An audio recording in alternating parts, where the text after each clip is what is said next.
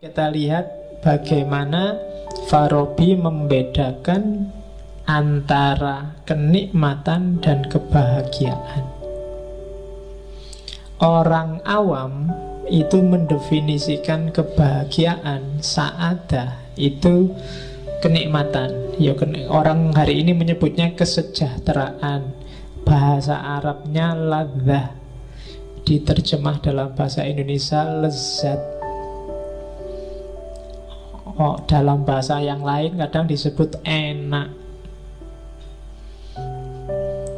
Jadi katanya Al-Farabi lezat, enak, nikmat itu belum bahagia yang sejati.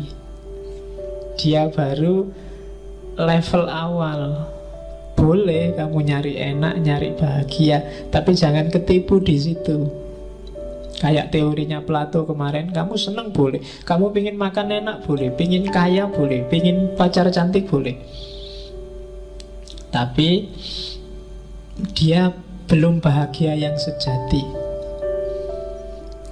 Kaya itu tidak sejati karena kaya bisa miskin. Ya kan? Makan enak itu tidak sejati karena kalau kamu sakit, makanan seenak apa pun nggak ada gunanya. Padahal kamu dapat kiriman makan enak itu kan kan kalau sakit. Kalau sedang sehat kan nggak ada temenmu bawain apel, bawain jeruk. Baru kalau kamu sakit dibawain. Padahal waktu sakit makanan enak itu rasanya nggak enak. Ya kan berarti makanan enak gak sejati Makanya kalau mau ngirim temenmu makanan enak Kirim aja waktu sehat Jangan waktu sakit Kalau waktu sakit dia nggak minat makan Ya kan kecantikan juga nggak sejati Yang sejati kan kejelekan Nah, iya kan, itu kan teori lama Jadi kalau cantik itu besok bisa jadi jelek Tapi kalau jelek kan abadi Oke okay. Ya selamanya. Yo kamu boleh bantal. Kalau operasi plastik kan nggak anu pak, bisa cantik lagi, bisa cantik juga meskipun jelek. Ya enggak apa-apa, cuma jangan sering-sering keluar. Karena sekarang, iya, kalau panas nanti meleleh kamu. Oke, jadi kenikmatan belum kebahagiaan. Nikmat itu sifatnya temporer dan berubah-ubah. Kalau kebahagiaan itu sifatnya biasanya lebih tahan lama, lebih abadi. Jadi dalam tanbeh ada teori bedakan kenikmatan sama kebahagiaan. Kamu minum teh dan merasa nikmat itu kan temporer. Kalau nggak percaya, ambillah satu gelas lagi, habis itu ambil lagi sampai gelas ke-6, gelas ke-7, jadinya nggak enak, sudah teh itu temporer. Beda sama misalnya kebahagiaan kamu paham pengetahuan. Paham nanti di situ disebut lebih abadi. Punya ilmu tertentu.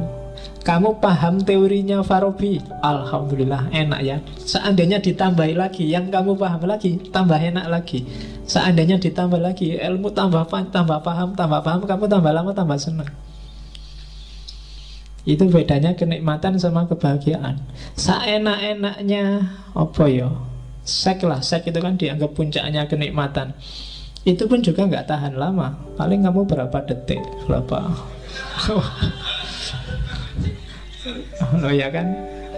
Bisa diulang pak, ya ulang aja Sak kuatmu wis piro Ulang lagi, ulang lagi Semalam terserah berapa ronde Tapi akhirnya juga ndak enak kalau sudah kesekian kali itu sudah tidak enak sudah. Itu dunia. Ya kalau kiai zaman dulu itu bedanya di surga sama di dunia. Kalau di surga itu kebalikannya, tambah lama tambah enak. Jadi sama bidadari ini enak, ganti lagi lebih enak lagi. Sehari 70 kali itu tambah enak, tambah enak. dulu Pak Yai saya jelasinnya gitu Jadi tambah enak, tambah enak terus itu Tapi kalau di dunia ini enggak Gradasinya menurun Iya kan? Yang pertama enak kamu, yang kedua sudah nggak terlalu enak, yang ketiga biasa aja, yang keempat muntah kamu sudah. ya kan? Lo itu dunia, makanya dia tidak sejati. Kebahagiaan di level itu tidak tidak ada nilainya. Ya kamu boleh, bukan berarti jangan. Karena Kalau yang nikmat aja belum kamu lewati, dilewati itu berarti dirasakan terus dilampaui. Ya kamu tidak akan tetap bisa mencapai kebahagiaan yang sejati.